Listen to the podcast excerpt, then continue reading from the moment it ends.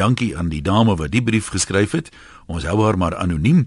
Sy titel hierdie brief: Huisvrou ruk en rol. Vanaand sit ek in 'n ander vrou se lyf. 'n Vriendin laat nogal net vanoggend hoor dat ons wat in die 50's gebore is, dan nou sulke spesiale mense is, onder andere die beste dansers.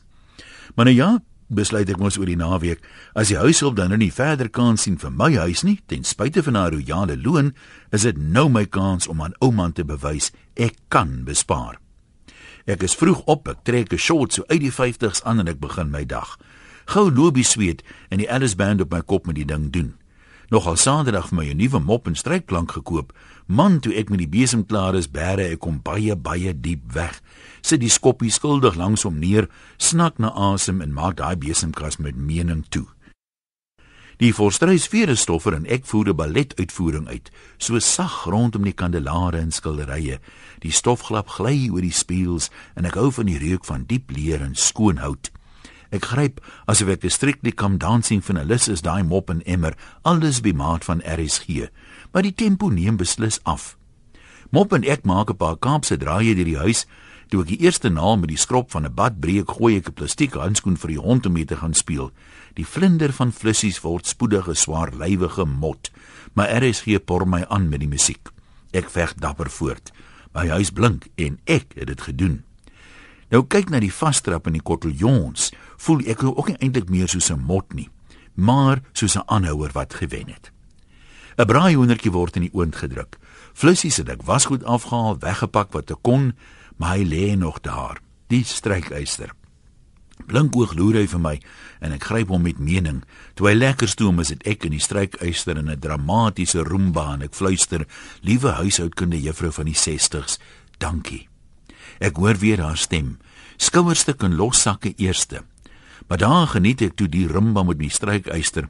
Ouma se kniebroeke en hemde was lanklaas so kreukelvry. Die huishonde huil voor die sif. Nee, gaan speel buite. Mamy het net te hard gewerk aan die blankhuis. Papi moet dit eers sien. Ouma kom eers oor 'n uur, gryp my knipper en gaan na Koos. Die droogte het eenmal ons tuin verwoes. Knip ek vervaard af wat nou die dag nog gelewe het. Plant ek uit wat nog kan leef. Speel die hondekinders in die eilstraaltjie water. Koos weet nie waar juffrou die woema kry nie. Juffrou het mos vanoggend gehoor kinders van die 50's is cool. Al voel ek nou nie meer so cool nie, maar ek voel tevrede, lus vir die braai hoendertjie. Maar voor dit moet ek hom eers aangenaam vir ouma lyk as hy arriveer. Ek bad in romerige water, ek was my hare mildelik. Die sponsie is byderhand want niks moet weer vuil word nie. Ek het nie 'n dans oor nie, 'n dode mars kry my uit die bad uit. Oral pyn dit. Ek is styf en niks lus vir jokes nie. Genade, hierdie huis is groot en my flinte dans het 'n marteldans geword. En daar sing hy soos ek nou hier skryf, 'n tortelduif. Hy sing 'n lied soos RSG nog nooit gehoor het nie.